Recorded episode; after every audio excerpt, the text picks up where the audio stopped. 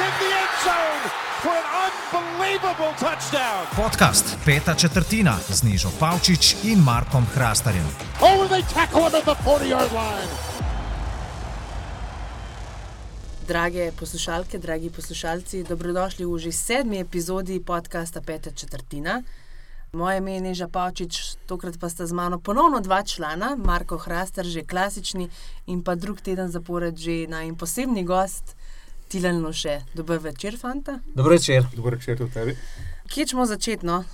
Torej, potnika za Super Bowl imamo, zdaj mogoče najprej vajni vtisi, da se mal že na začetku takoj humble brag, da sem v konfer Conference Championship jaz 2-2, vidva sta 1-2, ne? Sem hotel to jaz jo pohvaliti, ampak se je zdaj tako lepo sama izpostavila, da ne bom več rekel. Bravo, Neža, Pa če še čestitke. dodamo, uh, Povej še, kdo bo zmagal v Super Bowlu, da kaj vplačamo. ja, ne, pa če še pohvalimo za napoved NCAA, pa je pol 3 od 3. Ne? Ja, bravo. Idemo. Ja. Pa glih, ej, po mojem, pa edini ta vikend, prvi v sezoni NFL, da nisem nič stavila. Neža je še celo to napovedala, da bojo kadili cigare v slčilnici od LSU-ja, pa da bo del Beckham policaja slepno poriti. Tega nisem napovedala. Ampak, a ste videli un luškan posnetek od Dela Beckhama Juniorja, ki je pa enemu neznancu na avionu, ki so se srečali, uspaval otroka, da je zaspal. Ne bi mu dal niti kamna začuvati, ne pa da mi dam, dam otroka, da bi ga uspava v delu Bekamu. Ja. Jaz No. bi dal od delu Beckham otroka samo za lovit. Ne bi mu ga dal No, ja. Če bi, padel, če bi padel z aviona, bi njega poklical, da mi ga ujame. Ja. Je. No, ampak uh, Odell Beckham Jr. ta incident je preteklo zaradi tega, ker je on policist. Uh, kot prvo, kam sploh policaj zadelati v garderobi? Pa mislim, ja, da sploh ni bil policaj, ampak je bil kukor nek eh, član stadiona oziroma nek redar, on neki. Aha, stadium security. Ja, neki na ta, sploh da ni bil tisti neka mora, na, ta državna zadeva. No. No, ampak pač to je Deep South, to je ena, ne.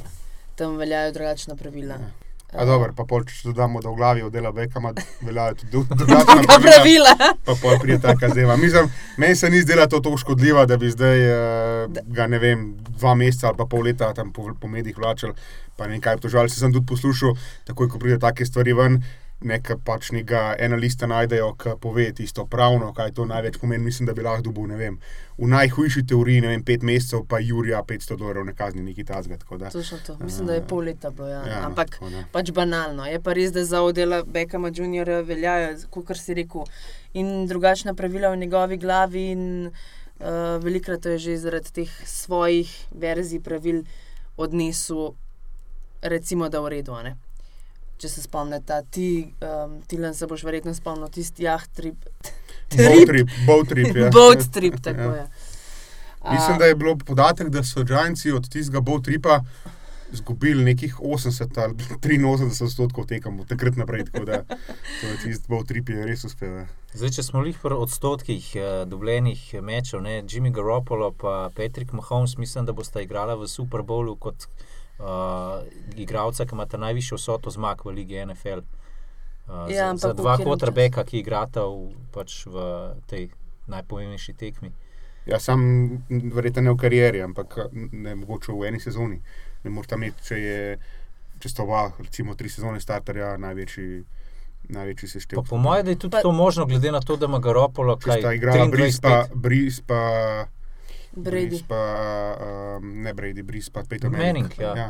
Sam sta imela zihar več zmag, mogoče Ja, sem imela slabši stotek. ne, gre, ok, gremo računati, recimo 23-5 ima Jimmy Garoppolo, ja. Mahomes ima pa tudi No, ti pa hočeš reči zmag. odstotek, ti si rekel število zmag, to pol ni število zmag, ampak A ne, ne, ne, ne število zmag. Število ja, zmag v odstotek- primerjavi z tekem, ki sta ja, jih igrala. Odstotek je dobljenih tekem ja, v ja, primerjavi ja. s tem, koliko sta jih igrala. To Ja, sem hotel reči. pa ima, je, ampak- ima gre pa to na plus, ker sta malo tekem igrala v karieri, nista igrala ne vem koliko tekem, s tem, da je imel Mahomes lan noro sezono, pa letos, Letos, ja, dobro. Garoppolo pa tudi. Garoppolo pa tudi, ker je igral, ne vem koliko ima pet porazov vse skupaj v svoji karieri, tako da to zaradi tega, pač ne, čez deset Ja. let, če se bo ta Super Bowl ponovil, sigurno ne bo tako stotek. Pa s tem, da je Jimmy tri četrt lanske sezone presedel zaradi tega, ker je imel uh, ACL, kolen torn. natrgana. ne. Ja. Tako da, um, da gremo pol kar na tisto te prvo tekmo, no, Kansas City pa Tennessee Titans.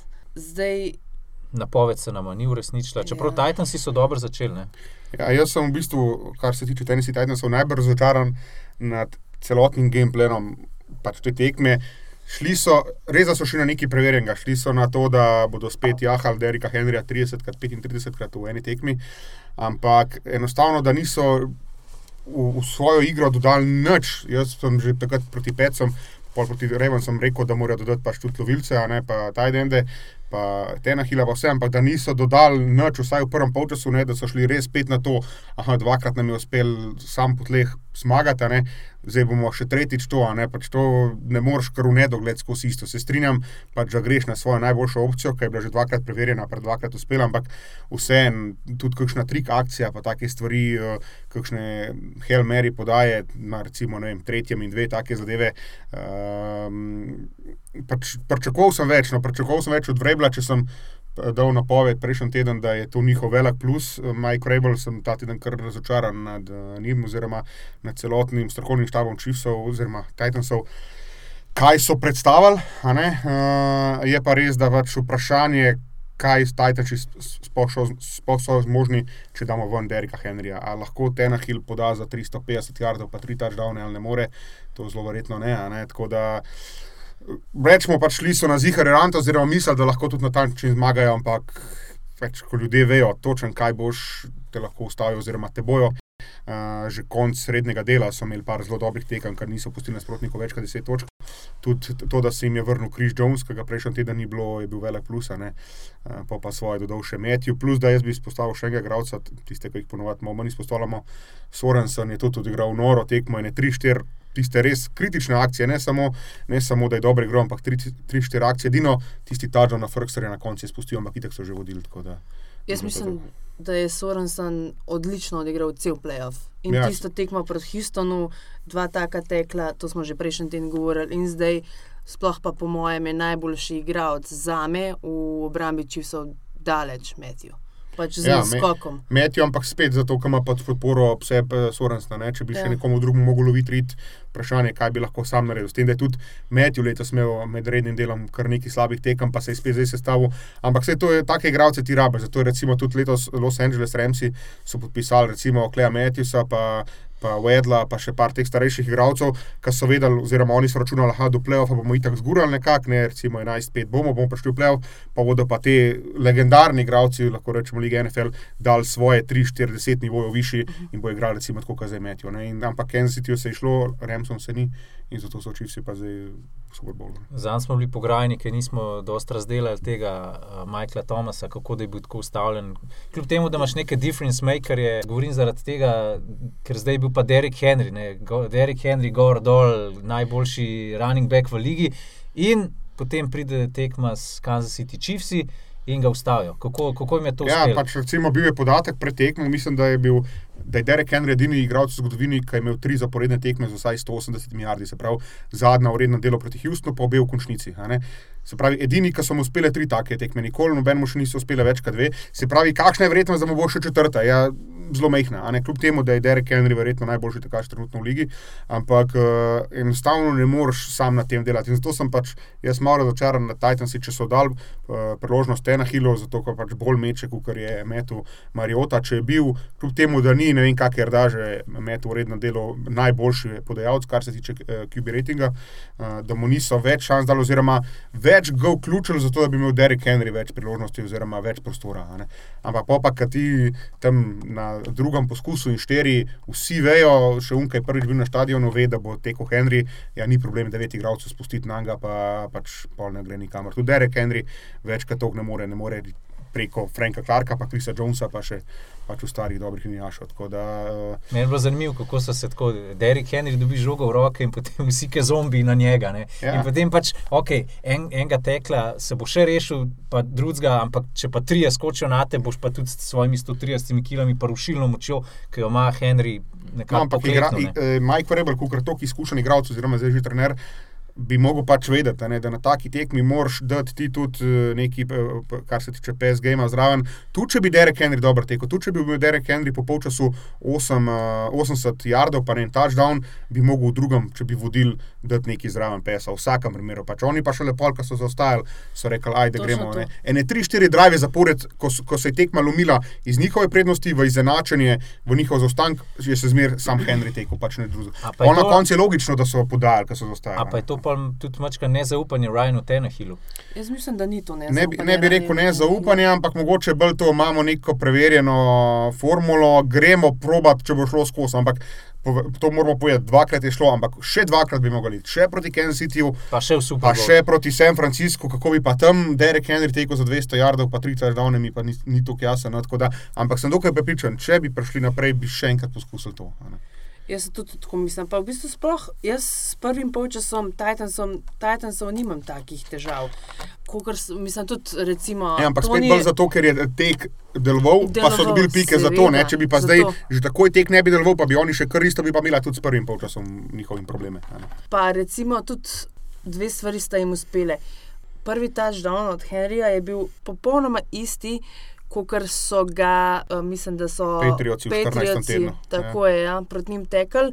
In Mike Vrabel je v bistvu veliko prebral iz Petsovega playbooka, na kar se je pa, mislim, da je Matthew o tem povedal po koncu tekme, da so se zelo dobro pripravili na to. Ja, Jaz mislim, da- akcija na unga naleta je bila ista, identična. No, ampak če To je to. Vrabel, kar sigurno je, a ne, tako kot praviš, pobral veliko od New England Patriotsov, je to najbolj, najbolj zasigurana zadeva, kar se čivsov tiče. Aha, to bo zihar naredil, šel bo pogledat tekme pecov, lan, predlan, proti nam. Dajmo še na to paziti, in to, to so vedeli takoj. Pač, takoj, ko so zvedeli, da bo igral proti Titansom, so rekli, da je prvo stvar to paziti, Ja. Prejšnji teden smo se tudi pogovarjali, kaj bodo morali reci- recimo Titans narediti. Pa si ti res rekel, da morajo dodati pes v svoj gameplan, niso ga dodali, zato je tak rezultat. So pa recimo mene ful presenetili s tistim touchdownom v drugi četrtini, ko so iz v bistvu ure, torej časa so pokurili 9 minut. ne.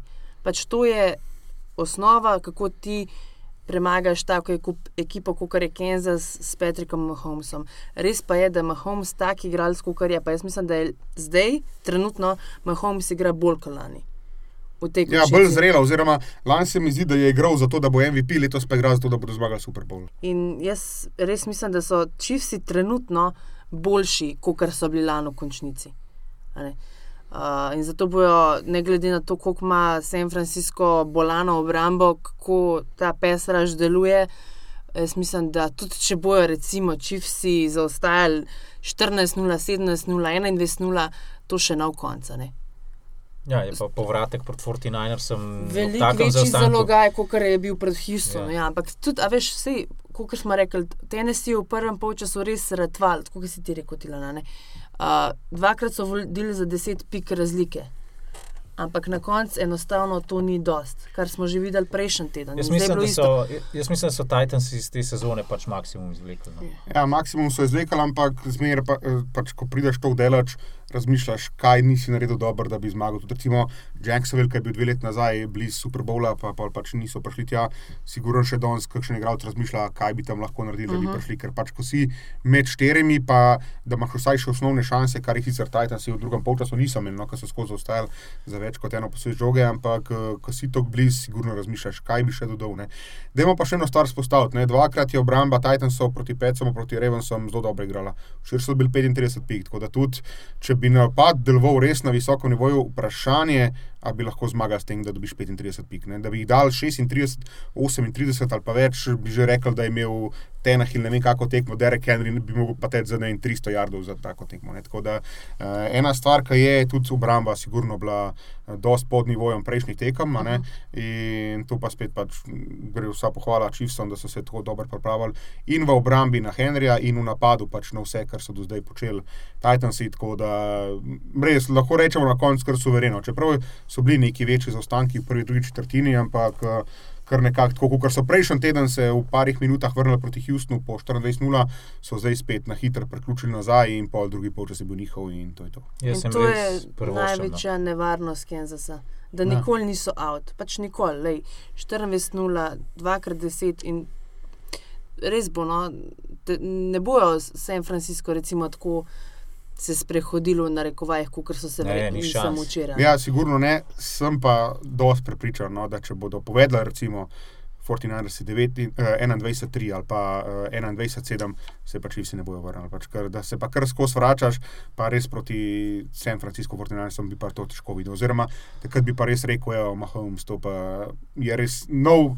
Podajalec v tisti, tako je v najvišji nivo, a ne že zdaj ga imamo zelo visok, ampak da rečemo, da bi zdaj to kmrži dobil prvi Super Bowl, bi ga lahko že takoj preključil v tisto neko Brady, zgoraj. Ja, ne, ne po smislu uspeha, pa Ne, po ne, do- ne goat dolge debato, kar- ne, ja, ampak- kariere, ker se lahko pač jutri poškoduje, pa ne bo nikoli več igral. Ampak eh, Rečemo, elitni smislu pač, da ne. Če izpostavimo dve, tri najboljše sezone posameznih podajalcev, pa bi izpostavil recimo te dve zdaj, uh, Mahomesa bi bil pri vrhu večine ostalih podajalcev. Um, kar je v bistvu še za Titans, ki si ti rekel, da vedno je tisto, kaj bi bilo, če bi bilo. Jaz mislim, da, njihov, da bo njihov off-season zelo zanimiv. Ne glede na to, oba podajalca sta free agenta, marca postaneta free agent, je tudi recimo Henry. Ne? Sicer ne vidim filma, po katerem bi ga Titans pustili. Mm, jaz sicer nisem neki največji fan tega, da se preplačuje running backe. Ampak mislim, da mislim, da mora pri Henryju- Titans na ja. vsak način ga zadržati. No. Ni to Tako problema, jaz ker je še dosti. Ne? Če bi on zdaj star 29-30, pa bi dobil 4 leta, 50 ali pa 60 milijonov, bi že tako gledali na to pogodbo tako malo. Medtem pa zdaj mislim, da je 26, ali koliko je star, se pravi, če mu daš zdaj 4 leta, pa maksimum, mislim, maksimum največ, kar lahko running back dobi, mislim, da se ne bi, ne bi smel zmotiti no, s, to, s to pogodbo. Je pa bolj vprašanje, ja, kaj bo s podajalcem, kaj bomo naredili druge, da ne bomo izgubili, ne samo da ne bomo izgubili v Championship gameu, ampak da bomo sploh prišli v play-off, da bomo pri vrhu. No.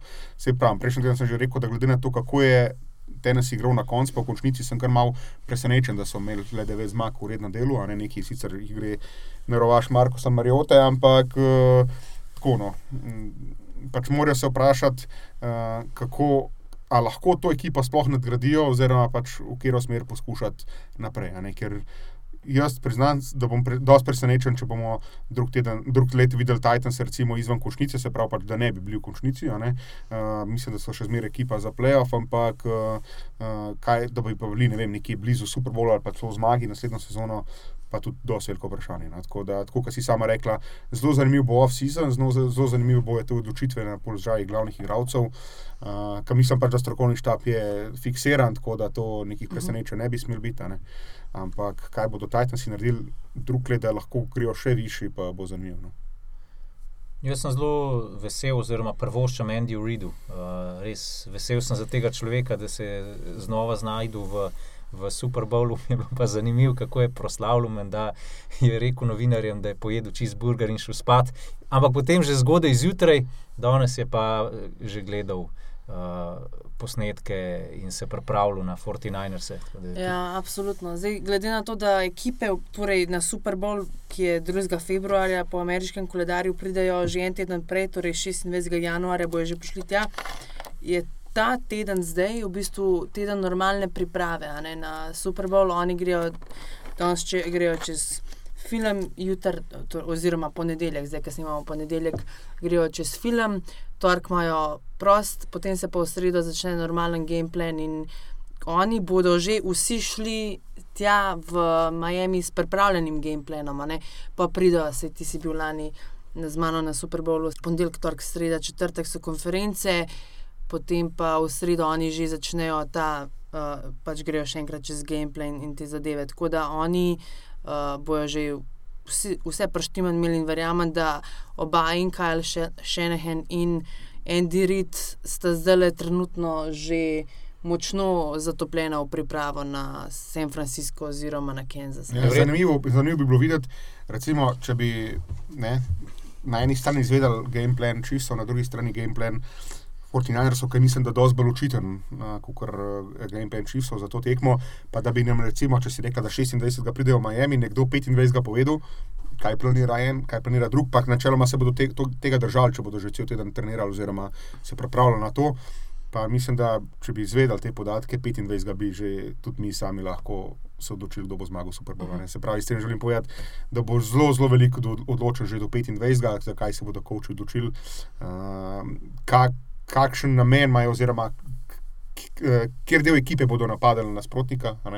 Uh, in bo že zelo veliko jasno v tem tednu, sicer mi ne bomo točno vedeli, bomo mogli še do drugega počakati, ampak eh, če bi te podatke dobili, bi pa sigurno lahko že rekli, da ta pa bo zelo veliki prednosti. Zanimivo mi je, kako da niti Erik Bienemi, niti Robert Seleh nista dobila priložnosti kot head coach, zdaj sta pa oba v Super Bowlu. Se pravi, govorimo o napadalnem koordinatorju Kansas City Chiefsov in pa obramnem koordinatorju. Uh, San Francisco, ki je mim grede premagal včeraj svojega cimra iz uh, Central Michigan College, kjer sta bila oba pomočnika, uh, Robert Selah, mislim, da bo naslednje leto skoraj zagotovo nekje head coach. Uh, mi bo pa zanimiva tudi ta uh, bitka med enim, eno staro Jombo, Andyjem Reedom in mladim Kalom Šenehenom. Ja, glede na to, da se liga počasi usmerja v to, da naj, ne samo mlajši, ampak najmlajši fanti v ligi prevzemajo pobudo, se zna celo zgoditi, ja, da, ne, da bomo rekli, da še zmaga še ena hena nad Andyjem Reedom, ne direktno, ampak pač Ja. 49ersov nad Kansas City Chiefs in to zdaj pomeni, da gremo v neko novo ero, oziroma v nek tam, ki je bila neka promanca. Je pa res, da pač Chiefs vseeno imajo zelo mladega podajalca, tako da vseeno Chiefs bodo zraven, zdaj a bo to z Andyjem Reedom ali ne, ne v, bodoče bomo videli. Ampak um, tako no. Sam bi, pa vem, da je Andy Reid izjemen trener, pa ima ogromno znanja, pa ogromno izkušenj, predvsem, ampak mogoče so manjšo prednost dal še na eno. No. Sploh glede na to, kaj sem videl v letošnjem letu z njegove strani. Je pa res, da verjetno, če bi me zdaj nekdo slišal, ki gleda že 50 let NFL, pa bi rekel, ja, zmer ima um prednost, ki ima več izkušenj. Recimo tudi, ne vem, pri Pitu Keralu, pa pri um, pr Pejtnu, pa pri Belčiku, pa to ponovadi zmer velja, a ne.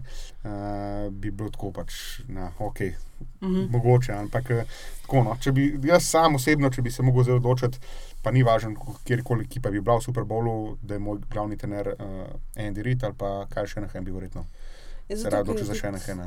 Nek mlajši veter. Ja, pač, Mogoče se bolj tem trendom postavlja, bolj ofenziv, ko, mislim, bolj napadalne, play-actione kliče. Ne? Ni tako konzervativen, kot je mogoče Andy Reid včasih. Vse se ponavljamo, ampak res Andy Reid je imel tudi včeraj, v drugem polčasu, zelo vprašljive. Um, odločitve glede play managementa, mislim, glede clock managementa. Ene parih je, mislim, da je bilo nekih Na koncu so tekali, ja, da bi ko- do mogli konca. dvakrat teč, pa bi porabili minuto 20, pa še, pa še enkrat so tomu mes neki podajali, pa, pa se še neki svoj timeout klicali. Ja. Ni bilo idealno, no. ampak No. so imeli dosti visoko prednost, da To, ni, ni bilo ja. očitno. no. Uh, tako da, kdo ima prednost tukaj, ne vem. Ne, se zdi, recimo, se bom, da se strinjam s tabo, ker jaz mislim, da je uh, tudi posledično Andy Reid je malo starejši, ima tudi starejši strokovni štab. Uh, Steve Spanjolo je či, ima čist drug mindset, mogoče kot uh, ga ima Robert ne. Uh, in če vse vzameš v zakup, tako kot torej, kaj ima v svoji ekipi Šenehen, pa kaj ima Reid. Ne vem, no, mogoče je res ima v prednosti na 49ers. Pa jaz na mislim, da je 49ersov. največja dodana vrednost 49ersov je, je njihov pes raž, pa uh, linebackeri, pa obrambna linija so tako hitri, da je to noro. Mislim, poleg tega, da so korpulentni, so pa še hitri. Nick Bosa, Solomon Thomas, DeFord. To je. Nik Bosa je neverjeten, res. Ja, prva sezona, lih pred podcastom smo se pogovarjali, je rekel Tilan, igra tako, da je že 10-15 let v ligi. Ne? Ja, ni Bosa res gleda. da, tudi, eh, glede na to, da lani ni zaključil sezone na Ohio Stateu, pa se je pred, tem, pre, pred koncem sezone že, že pripravljal za draft, je bila zgleda pač noro dobra odločitev mm. ne, za tazga igralca, ki je v glavi dozrel. Uh, tako da, ja, no, res, da pač vsaj 7-8 sezon igra v ligi, tako igra letos. Če pa se sam za trenutek vrnem nazaj k trenerjem, Steve Spanjolo ima pa eno veliko prednost, oziroma recimo temu.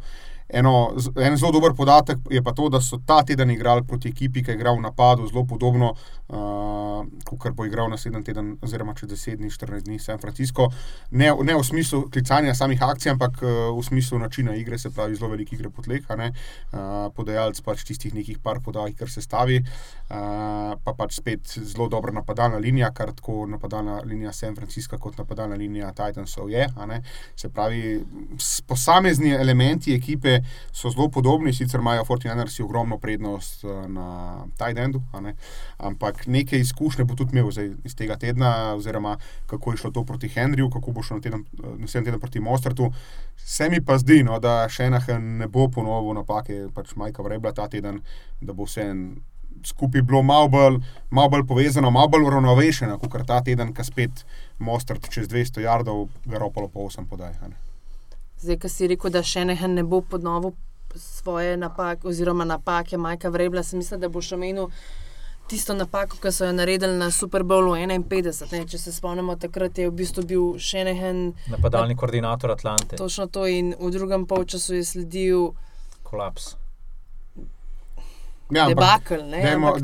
Dajmo tle. Uh, na oboje zvoliti krivdo in na napad in na obrambo. Napad ni naredil več noč, ampak tudi obramba je dobila 25 pik v 20 minutah ali kolikih. Tako da oboji so krivi. No, tle, da sam mm. ena.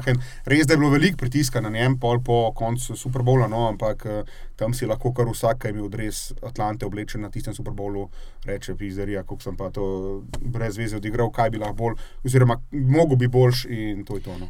Ne pravim, da je krivda sam na njem, samo danes pač, ki poslušaš že te NFL network, ESPN, se to že nazaj vleče. Aha, takrat so pol v drugem polčasu igrali samo po zraku, uh, noč niso tekali, niso kurili ure, uh, niso mogli dobiti first downa.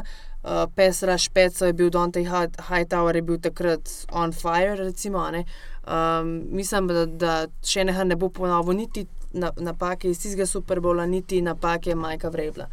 Zdaj, če se pa vrne, oziroma če se osredotočimo še na drugo tekmo, ki je bilo odigrano v nedeljo med 49ersi in med Peckersi, pa lahko rečem sam, da ne da je bilo, torej Peckersi, preden so šli v Kalifornijo, so rekli, da ja, ne bo isto, ne bo isto, kot je bilo v 12. tednu. Bistvo je bilo ne, še slabše. Še slabše je bilo. Pač to je res izgledalo neverjetno slabo za Peckerse nič jim ni šlo v prvem delu, mislim v prvem polčasu, nič. Mislim, da se bo tako strinjalo, če rečemo, ne, če ugotavljamo tam nekje do 15-16 tedna, kje je ekipa, je kontender, kje je ekipa pa pretender, so bili uh, pekrsi, kljub temu, da so bili 13-3 na koncu pretender. Ja, jaz, sem neki, jaz sem nekje prebral, da so bili Green Bay pekrsi, ekipa s uh, bilanco 13-3 zakamuflirana uh, ekipa, ki bi morala biti, ne vem, recimo 8-8. Ja, 7 ali pa 8-8. Ja. Ja. Uh, ampak ne v tem smislu, da so tako slabi, ampak enostavno pač zelo redke so imeli tiste dominantne tekme. Recimo, ena izmed, ena izmed boljših stvari, ki so naredili letošnji sezoni, je prvi polčas proti Sietlu, ampak tudi vemo, Seattle ni bil uh, popoln, uh, Green Bay je imel dolg čas za pripravo, Green Bay je bil spočit, pa so zato zelo dobro igrali. Prvi polčas pa spet na koncu skoraj zapravili vse skupaj. Ne. Tako da jaz, kljub temu, no, da je Green Bay prišel v konferenčno finale, pa rečemo, da je teoretično gledano top 4 ekipa letošnje sezone, sem razočaran. Ne na tem, kar so dosegli ker recimo to je njihov zdaj domet, eh, konferenčno finale, ampak kako je vse skupaj izpadalo. Kaj so pokazali na nekaterih porazih, tisti, ki so jih letos videli, pa kaj so pokazali včeraj. Itak veš, recimo, da smo vsi vedeli, da bodo 49ersi zmagali, ampak vse to je bilo enosmeren promet. Pekar sem, no, tako kot so včeraj gledali 49ersi, to zelo ne leži. Ne? In res bi mogli iti vsi čez svoje meje, vključno z Rogersom, da bi včeraj to tekmo dobila. Ne. Plus za še neki napak, pol izgubljenih žog, eh, Rogers interception.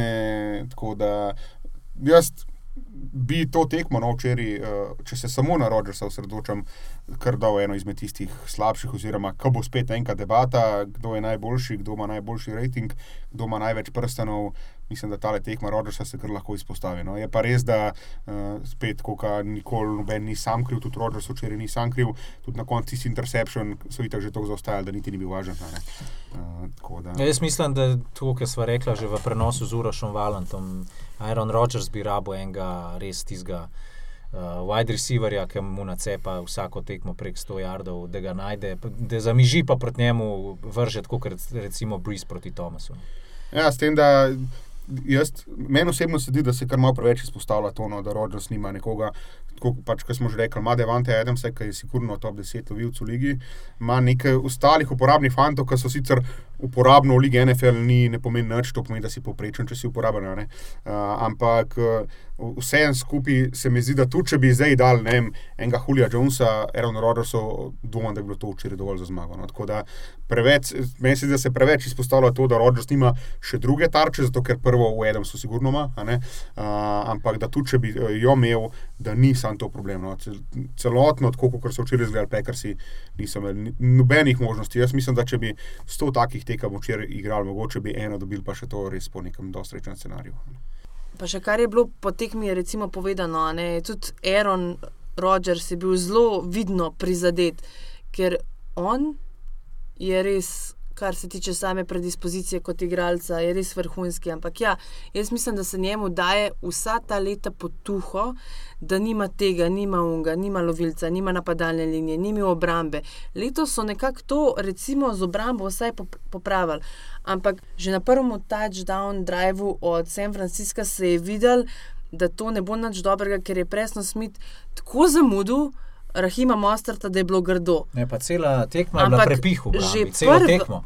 Ja, že prvi draj, če se spomniš, mislim, da je bilo 3 in 8 in je Mostart stekel direkt v končno cono, ker je tako hiter in tako dobro blokiranje imajo, da jih niso mogli ujeti. No, ampak dajmo tle. Uh zadeve ločiti. Mislim, se pogovarjati o dveh različnih stvarih. O tem, da je bila včeraj obramba katastrofa, pa o tem, kaj je pokazal Aaron Rodgers. To pač načeloma te zadeve med sabo nista povezani, tako da to sta dva velika minusa bila včeraj. In če daš dva taka velika minusa, Green Bay Packers proti San Francisco 49ersom v trenutnem stanju, pa če je to to, tako kot sem že rekel, na tak način dobijo vsaj 99 od 100 tekem, če ne še tisto 100.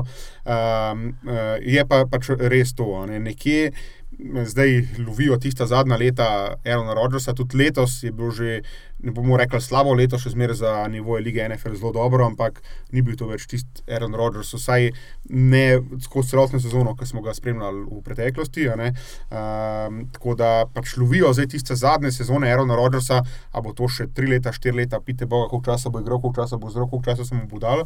Um, na drugi strani pa je ja, to, kar si pač tudi ti izpostavlja, uh, obramba.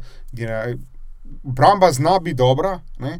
ampak pa pride, te, pride končnica, kaj če si prvi ali pa drugi nosilc, mora zmagati tri tekme, ali pa če si tretji do šestih, mora zmagati štiri, da bi bil super bolj prvak. In trenutno take obrambe Green Bay, ki je zdaj ne viden zmagati tri zaporedne tekme v končnici. Tako da to, to sta dve taki zadevi vprašljivi.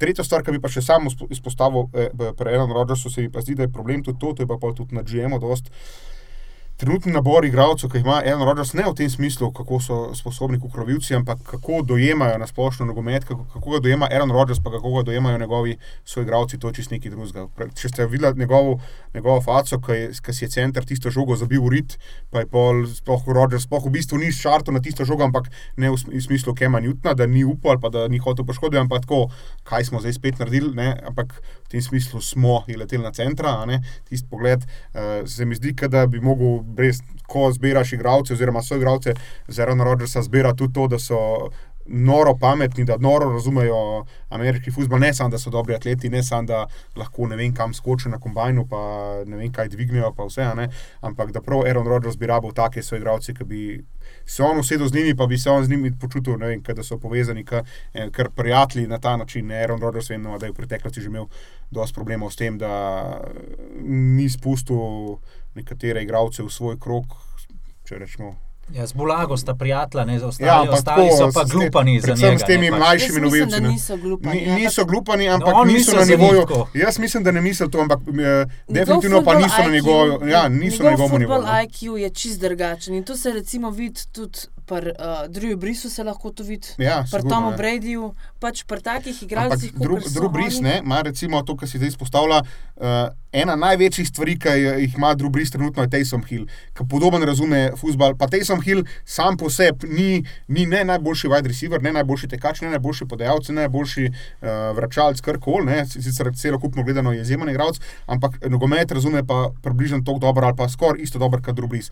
In vsaj enega do dva tazga soigralca v smislu lovilca, tekača, kar koli bi rabo tudi Aaron Rodgers. Da, da, bi se, res, da, bi se, ja, da bi se z njim pokonektil ne samo na igrišču, ampak res, da bi rekel, aha, evo, to bomo pa zdaj. Se mogoče z enim sta tako, ampak ti rabaš pol še 3-4 take. Mislim, da se je to, kar si ti hotel povedati, ne vid videl ne samo na tem pleju, ki si je center dal. Uh.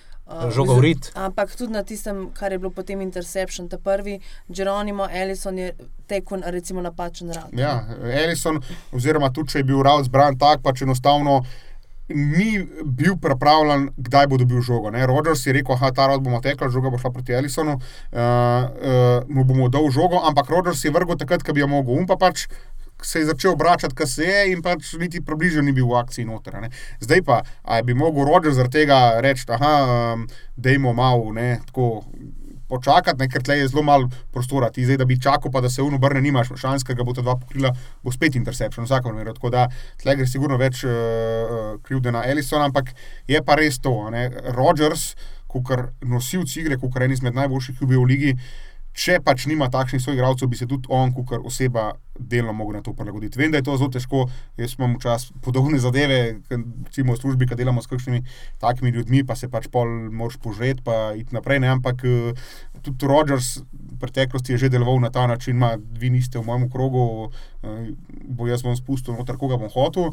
Tudi to pač ne moreš. Ne? Ti, koga dobi, dobiš, dobiš. Imáš ti boljše GM-e, slabše GM-e, boljše podpise, slabše podpise, e, pa se ti nekdo poškoduje, nekdo ne, tako da kar imaš, s tistim moš narediti največ. In je pa res, da če imaš ti, ne vem, 7-8 sezon zapored takih, pa se počutiš, da ti igravci niso vredni, eh, oziroma ne niso vredni, ampak niso dovolj dobri, da bi razumeli, kako ti razumeš nogomet. Pač ne moreš nič, ne lahko greš do Džija, pa rečeš, da ne se neha zabavati, ampak eh, ja. uh, kar dobiš, dobiš. Dokler, dokler bo pač tak hohštapler, Aaron Rodgers bo težko prišel do Super Bowla in ga osvojil. To je zdaj tudi ena izmed debat. Pol tako naslednji dan po porazu za prehiteva. Ali imajo še pekar sistem, kar so pokazali letos, šanso, ne da pridejo v NFC Championship, v NFC Championship lahko pridejo, ampak v Super Bowlu ga zmagajo. Zdaj pač eh, so, enkrat Super Bowl so že zmagali, uh, Aaron Rodgers pač ima en naslov. To, uh, Aaron Rodgers lahko zmaga, ali ne, oziroma Aaron Rodgers sam ga itek nikoli ne more zmagati, ker pač imaš 11 ljudi na eni strani, 11 na drugi. Ampak uh, lahko Aaron Rodgers vodi svojo ekipo do Super Bowla, do konca svoje kariere, vsaj še enkrat. Moj odgovor je ja. Ampak to je tle odgovor lahko, ne pa ali bo. Zato, ker pač eh, vseeno zelo imamo nekaj mladih ekip, eh, tako kot smo jih prej omenili, prihajajo. Tako da vprašanje, kje bodo v tem, tej kombinaciji pekarsi. Ampak. Eh, sigurno pa ne v trenutni zasedbi. No. Sigurno bi rabalo vsaj dva, tri uh, igralce, pa, pa niti ne rabijo biti to, ne vem, kakšni lovilci, tekači, ampak sam tisti res playmaker, recimo ne men, uh, Tyron Matthew bil včeraj v obrambi Green Bay, noro sedel pač ne, na, v sekundarju. Tako da uh, lahko oni, recimo, letos na draftu zberejo enega do dva, ki se bo ta takoj vklopila, pa podpišejo, recimo, dva veterana, ki bo ta tudi zelo pasala noter za nek srednji denar. Ne? Uh, To je tisto največje vprašanje, ker kot sem rekel, čas rodnosti imaš omejen, imaš še neki sezon, nikoli ne veš, kdaj bo rekel, ima dost manj tega, teh izpadov po enih, dveh tekmih v končnici, dveh tekmah v končnici. Rodnost mi deluje tako, da bi se lahko tudi čez dve sezoni že to odločil. Lahko pa bo vse prav, lahko pa bo igral še 6-7, če se mu bo dal. Da, ampak ni pa to spet, ni pa star več niti 25, niti 28, niti 31. Tako da pekrsi se morajo sami s sabo dol usesti, pa se zmeniti. No. A gremo all-in pa pač, če ne bo šlo, bomo potem, ko bo šel Rogers v penzijo, 3-4 leta en izmed najslabših ekip v ligi, ali pa pač probamo na ta način, kar sicer je res, da je to skozi Packers svoj. Packers, da bodo zdaj kar ne vem, neke zvezde podpisovali, to nikoli nismo videli, tudi nikoli ne bomo, ampak še en, da pa dodaš še ne dva tiste igralce, ki te pol data čez rob. Pa bodo se mogli odločiti. No. Če bodo šli pa ta tempo, ki ga imajo zdaj naprej, bo pa pač skoraj skor zihar vsak let končnica ampak se jim bo kdaj poklopil za tri oziroma štiri tekme, pa je zelo vprašanje. No. Jaz mislim, da je največji problem Green Bay Packers, da se oni preveč zanašajo na Rogersa. Iz tega, kar ja. si ti povedal, vedno reče, vse imamo ena na Rogersa, potem bo maksimum iz te ekipe, kar lahko, maksimum bo dal svoj, nekako bo najdel tiste tri, recimo, ki jih imamo v napadu, in bo to, to in bomo zmagali. Ja, to pije jaz, vodo pri svetlu, ne pa ja, pri uh, ne pa pri taki ekipi, ja, kot so Fortinersi. S tem, da dajmo vse nekaj respekta tle glavnemu trenerju, Rukiju Lefurju. Eh, da so vse letos probali drugačen način, ne? zelo velik teka, eh, bolj uravnovešen napad, tudi nekaj par drugih stvari so probavali med sezono, ampak vseeno na tej točki moramo pač izpostaviti, da Le Flor je letos naredil maksimum, kar je sam lahko, da gre v neko drugo smer, ne samo na to, da imamo pa Rodžersa, imamo pa Rodžersa, ker vemo, da par tekem, ne bom rekel, da je dobil sam Aaron Jones, ampak si imel po 3-4 tažavne na tekmo. Ne? In uh, res pač so se izkazali pekarsi, da znajo igrati uh, na pač oba načina in po zraku in po tleh. Tako da delno so to že naredili. No? Pač, ni, ni zdaj več, aha, Rodžers na žogo, zdaj pa rabimo vsaj 350 jardov, pa 4 tažavne vsak dan, tega ni več. Uh, je pa res spet, ne, kljub temu, da so probali neko drugo zadevo, pa da vse skupaj stvari grejo proti nekemu balans napadu. Pa spet ni bilo dost, ne? in spet rečeš, a ja, mogoče pa bi bilo bolj spet Rodžers udati, pa spet Rodžers tiste žoge meče celo tekmo, ne? tako da se pravi. No, Pekar si probavajo različne stvari, zaenkrat jim v zadnjih parih letih ni uspelo, vsaj kar se vrstitev v Super Bowl tiče, je pa še zmeraj neki res. Ne. Pekar si so, ne glede na to, kaj so naredili v zadnjih sedmih, osmih sezonah, recimo top 5, top 6 ekip uh, v tem času. Se pravi, ob recimo Patriotih, ob recimo Sencih, ob recimo Čivse, če damo še zraven, so res pač ekipa, ki so bili skozi prvrhu. Tako da zdaj, a skozi držati ta nivo, da si prvrhu, pa upa, da se ti bo en let poklopal, ali pa poskusiti tako, kot so poskusili letos Remsi, a ne rekli aha, lani smo bili v Super Bowlu, zdaj pa damo še tri kvazi playmakerje v ekipo, pa bo to to, pa jim tudi ni pol ratalne, je pa zdaj pač odločitev vsakega posebej. Ne? Ker recimo Remsi, glede na to, v kakšni situaciji so zdaj, bodo imeli kar težave naslednja leta. Nimajo veliko pikov, uh, Goff na daljši pogodbi, Grli na daljši pogodbi, oziroma na višino. Um, Ter igravci, ala Vedel, pa Klej Matthews, ne bojo ne vem koliko časa, uh, dobro, imajo zdaj že le na Remzi. No? Ampak tako, ne, ma, vidimo za različne prijeme lige NFL, kar je tudi super. Ne, Green Bay skozi gradi prek drafta, eni probajo prek free agenta, eni probajo, da se dvigneš na visok na draftu za QB-ja. Tako pač različne zadeve in pol, kaj najbolj deluje. Jasno je tako, da rabiš vsaj solidnega QB-ja, tudi če bo recimo San Francisco prvak, pa bo imel uh, Mostard spet 200 jardov po tleh, spet vsaj Garopolo tisti minimum zihar svoj bodov. Ja, glede na to, da smo govorili samo o Green Bayu, predlagam, da se prebacimo na ja, 49ers. Ja. 49ers so prva ekipa v zgodovini lige NFL, ki je zabeležila štiri zaporedne sezone z več kot desetimi ali pa vsaj desetimi porazi, potem pa v peti prišla pa kar v Super Bowl. Ampak jaz bi izpostavil Rahima Mostrata. Rahim Mostrat je takšna zgodba, ki ti res vzame sapo. Gre za človeka, ki je bil katan od sedmih zaporednih ekip. Pri teh sedmih ekipah, kjer sem mu pokazal vrata, ni izbral niti enega teka, potem je pa prišel letos, uh, oziroma mislim, da je lansko že v 49ers, v, le, v letošnji sezoni je prišel. Leta 2016 je prišel. Že. Ja, to Aha. je najbolj pomembno, da v bistvu je. Uh, torej, on je prišel v 49ers, preden sta prišla in John Lynch in Kyle Shanahan. In on je, mislim, da je bilo prav še pri Jetsih, uh, ko je prišel, da so mu še nekaj celo obljubljali, ja, pa, pa boš imel večjo vlogo, ker imamo ful problemov s poškodbami. No, na koncu je pa zgodilo, da so podpisali tri nove running backe, ki so pa skenslali. In je potem leta 2016 prišel v San Francisco, bil je še pod, um, še pod Čipom Keljem, takrat v sezoni 2016, potem ko je pa prišel. Kajl Šenehen in John Lynch sta pa na, na, na nek način v bistvu ugotovila, da je ta Rahim Oster pa v bistvu lahko igra. Ne? In on je še torej igral tiste prejšnje trenerske garniture, zdaj pa. Ne, pač Tevin Coleman se je med tekmo poškodoval, nekako še vedno se je to za San Francisco dobro obrestval. In tukaj se res vidi, da oni, torej da je, uh, kako se reče po slovenski fundament, da je osnova ekipe tek. Ja. Uh, In jaz mislim, da bojo na Super Bowlu več tekel, kot pa metal. Sicer bojo mogli imeti tudi dober uh, pes game, ampak res suvereni so bili včeraj. Vse smo že rekli, pač to je pol vedno treba gledati iz obeh strani. In napad Fortinarensa je bil full dober, po drugi strani pa obramba Pekersov igrala res slabo. Tako da, polk imaš ti tako linijo, kot jo ima recimo 49ers, ki je po mojem mnenju bila v tej sezoni čist podcenjena. Ne? Pol na taki tekmi to prije do izraza. In da ti pretečeš 220 jardov v taki tekmi, kot je NFC, title game. Dosežeš štiri touchdowne. Torej, tri v prvem, on je dosegel tri touchdowne v prvem polčasu. Um, je to res nekaj neverjetnega in res težko bojo ostavili čivsi, ne glede na to, kako zelo dobro igrajo v drugi polovici sezone obrambone. Ja, Rahim Mostart je v bistvu tudi pokazal, nekak, da se ranim bekom ne splača tako hold out, ne, ker bodo zmeri v ozadju nekateri tekači, ki so lahko še boljši kot te, ki so bili izbrani recimo v prvem ali pa drugem krogu nabora. Uh, je pa vprašanje za te Tilan, glede na to, da se je Tevin Coleman poškodoval in verjetno zlomil roko, tako da ga na Super Bowlu ne bo, pa da Matt Brida dobiva vedno manj priložnosti kot tekač. A to pomeni, da se bodo morali Kansas City Chiefs pripraviti na neki tazga kot Derek Henry, se pravi, da se bo uh, Rahima Mosterta v Super Bowlu nahranil s kakšnimi 30 žogami. Ja, pač tako bo odvisno od tega, kaj se bo odvijalo v prvem polčasu. Ne.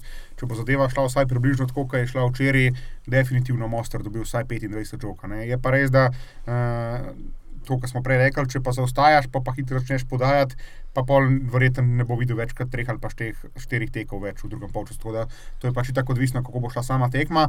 Um, je pa ena druga stvar, kot so menili Meta Brida bi recimo videli, ne, da Mostar tu ne gre, ali pa da, ne, da bi se to neki poškodoval. Imajo še enega, ne, se pravi, potem, ko se jim je poškodoval Kolman, pa če bi recimo ne bi dobro šlo Mostar, to bi verjetno probo tudi Brida. Za Brida smo tudi videli, že, da zna zelo dobro teč.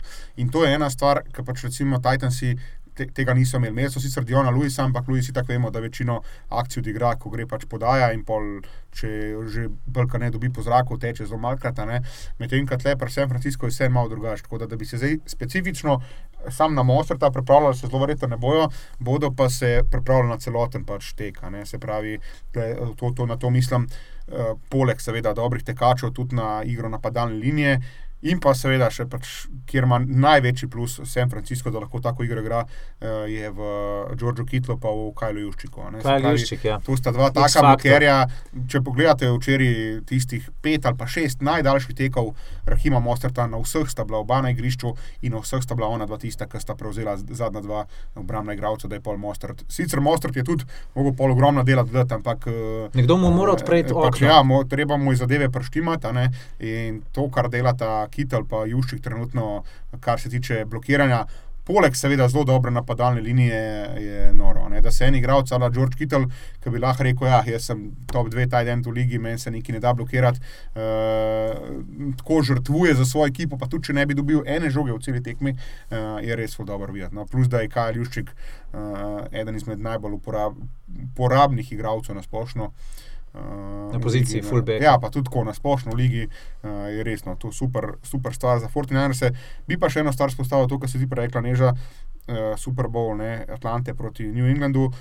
Ki so skoraj sam podajali. Dajmo malo propsov tudi uh, Kajlu Šenehenu, zdaj prišel ekipo, ki ima dozbal uh, eh, vse skupaj položen, oziroma pripravljen za napad, za igro po tleh in se je tudi on odlično vklopil, oziroma v bistvu ne, da se je on vklopil, ampak da se je ekipa vklopila v njegov sistem. On je prepoznal, pač, kaj morajo narediti. On ve, da uh, Jimmy Garoppolo pač ni tak podajalec, kot je Metrajana, vsaj ne v tistih najboljših letih Metrajana, uh, ampak kljub temu, ne, napad San Francisca je bil eden izmed najboljših v ligi, eden izmed najboljših potleh. Tako da uh, tudi no, pohvale Kajlu Šenehenu za prilagoditev svojega uh, coaching stila uh, San Francisco. Jaz mislim, da ga je on. Zelo dobro upeljal v to. In recimo tudi Rahim Mostar in Juščik in Kitel zelo paše v njegov sistem. In to je verjetno spet ena taka stvar, ki ti ni tako, da ti uvedeš svoj sistem in igralce prisilaš, da bojo pasali v ta sistem, ampak dobiš take igralce, ki pašejo tvojo idejo, kako se igra napad.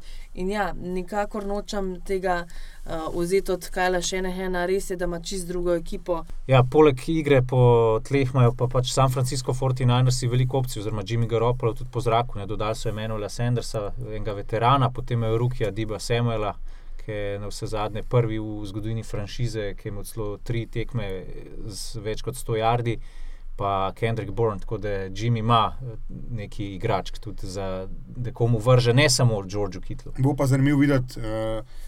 kaj bodo v obrambi, glede na to, da smo videli že pregovarjanje Darrell Rivis in Richard Sherman včeraj, kaj bodo storili s Tarikom Hillom. Uh, pač Sherman bo itak vstal pri tem v svojem stilu, ki ga ima, ampak kdo točno bo prevzel, ker zdaj se je vedel, ne, ta teden proti Titansom, Dori Jackson, ki je hitrejši, dolgo narajena, pač bo večino časa na Tariku Hillu, pa ni bil pol na koncu neki preveč uspešen. Ampak uh, kako se bodo po, po obrambi San Francisca lotili Tarika Hilla, bo tudi eno izmed zelo zanimivih vprašanj, oziroma pogledati, kaj se bo zgodilo. Mislim, da nas par zanimivih vprašanj čaka v bistvu še vse do Super Bowla. Zdaj to fanta je tudi zadnja epizoda, ki jo snemamo vsi on location. Naslednja, tam nekje, no, verjeten četrtek naslednji teden, a, bo že iz prizorišča Super Bowla, tako da se bomo tudi vzdržali naših napovedi, kar se tiče Super Bowla, in jih bomo potem mogoče po um, nekih novih informacijah, kdo bo vse poškodovan, kaj pravijo iz, igralci iz obeh taborov. Posredoval naslednji teden, je pa verjetno res, da si vsi, recimo, uh, po lanskem Super Bowlu, verjetno želimo veliko več um, točk. Točk, pa veliko bolj všečne predstave v, nap v napadu, kar mislim, da glede na to, kar smo videli včeraj in San Francisca in Kansasa, um, načeloma, no, bomo videli, ampak ne bi smel biti nobena težava. Prej si crtila si na začetku že tudi omenil, da sem uh, jaz. Mila prav tudi, kar se tiče NCAA-ja, uh, vidva vem, da ste tekmo gledala v živo. Ja, prvi polčas, pa ja. smo malo bupala. No. Jaz sem zdržal tam nekje do sredine zadnje četrtine, kaj pol pač že bilo bolj, ker ne vse je jasno. Ampak um, tako, no, zanimivo je bilo videti pač uh, zadevo na nekem. Uh, Čist drugačnem nivoju, kot je NFL, tudi recimo ostali poslušalci, ki ste si tole pogledali, ste pač opazili hitro razliko. Je pa res, da uh, se manjšajo, no, te, oziroma včasih bodo zabrisale te razlike, fanti, ki so pripravljeni na NCA-ju, polka pridejo v NFL, nimajo več, vsaj tisti najboljši, nekih resnih problemov ne, uh, s tem prehodom, tako da so tudi že igravci na NCA-ju odlično pripravljeni in uh, taktično. Taktično, zmeraj bolj kondicijsko, pa spohno. Uh, to je bila ena stvar, druga stvar pa, uh, ja, no, če sam na hitro se osredotočim na tekmo. Clemson je zelo dobro začel, Clemson je hitro povedal, ampak pol. Uh, ene, dve, tri akcije tam na koncu prve četrtine ali pa na začetku druge, uh, predvsem kar se tiče sekundarja, uh, Chase in Jefferson sta jih povozila, oziroma predvsem Chase, no, uh, Burrow je pa tudi odlično tekmo. Tako da, če bi se sam izpostavil, oziroma kaj mislim, da je, zakaj je LSU to dubo, oziroma obratno, zakaj je Clemson zgubil, je bilo predvsem to, no, da so v prvi četrtini, pa tam v drugi, ki so že lepo vodili.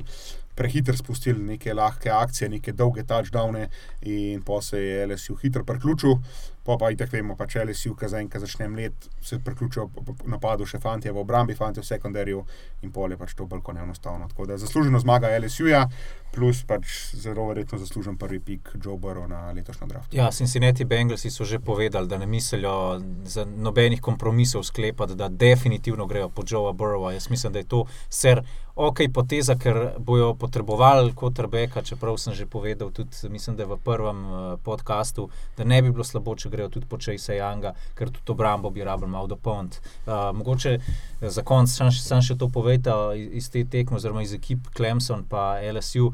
Koga vidite kot potencijalno zvezdo ali pa difference makerja v Ligi NFL? Hm. Ja, kot sem že omenil, nekaj je uh, lovilcev, pa LSU, se pravi Jefferson Chase, ali pa Chase.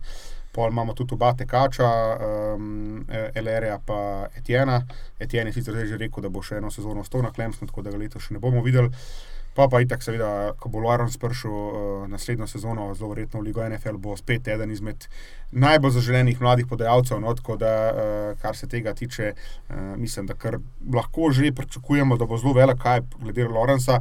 Je pa res, da se to v NCA zelo hitro spremenja. No, tako kot smo letos še tam nekje do 5-6 kroga govorili za to, da je, pač je že v Miamiju, ker smo mislili, da bo Miami najslabša ekipa, se je potem zamenjali in to, da Miami ni najslabša ekipa in to, da tu pač ne bo prvi izbor. Tako da, kaj se bo zgodilo čez let, pa pol na draftu, počakajmo še najprej letošnji draft, pa še eno sezono. Samo še neki Marko Cincinnati ni rekel, da gre po Joe Borova, ampak je rekel, da ne bo delal kompromisov, kar se trada tiče. Tako da Joe Borova, a bojo oni šli ali ne, verjetno ga bodo vzeli, niso pa še nič povedali, da ga bodo definitivno vzeli. Ja, čeprav, pa- vsi, čeprav vsi to pričakujemo. Oče je Joe Burrowa rekel, da njegov sin ne bo imel problemov s tem, če bo izbran v Cincinnati. Tako da, pač, kar je, mislim, da zelo dobra stvar, no, da takoj poveš, ne glede na to, kam, kam boš prišel, da boš eh, vsaj približno zadovoljen. Vem, da bi vsi radi igrali zdaj, ne vem, po San Franciscu, pa po New Englandu, pa tako, ne, ampak eh, enostavno to ne gre. Tako da ne bi bil Joe Burrow vprašanje, če je zadovoljen, ampak soglasen s tem, no, da bo igral za Cincinnati, tako da mislim, da se je tudi sam pripravil in da se lahko njegova ta pre-season zadeva, vsaj v njegovi glavi, že začne za Cincinnati. Jaz mislim, da lahko v Cincinnati že začnejo počasi tiskati drese z številko dve, recimo Joe Burrow. Ne, ne bi bilo slabo, pa da začnejo prodajati, ker to, vse, vse stvari vodijo proti temu. No. Tako da vsaj ni skrivo, kot Lermi Tansil, ki je bil tudi dolg časa napovedan kot prvi pik, pa je pol tisti njegov bong prišel ven, pa je bil pol zbran 13 ali 14, tako da vsaj ni skrivo te njegove cigare v koncu Ja. tekme. Kdo bo cigare prežgal 3. februarja, bomo videli čez slabih Če slaba dva 14 tedna. dni. Marko, ti komentiraš letos Super Bowl prvič, tako Ja. da ob, v družbi Marka in Uroša Valenta se boste potem lahko tudi Super Bowl ogledali. Absolutno pa pač spremljate vsa socialna omrežja. Tudi letos bomo na sport klubu neposredno na prizorišču, tako da jaz že komi čakam, da danes zjutraj mi je pač res zadel, da o, zdaj imamo pa pač.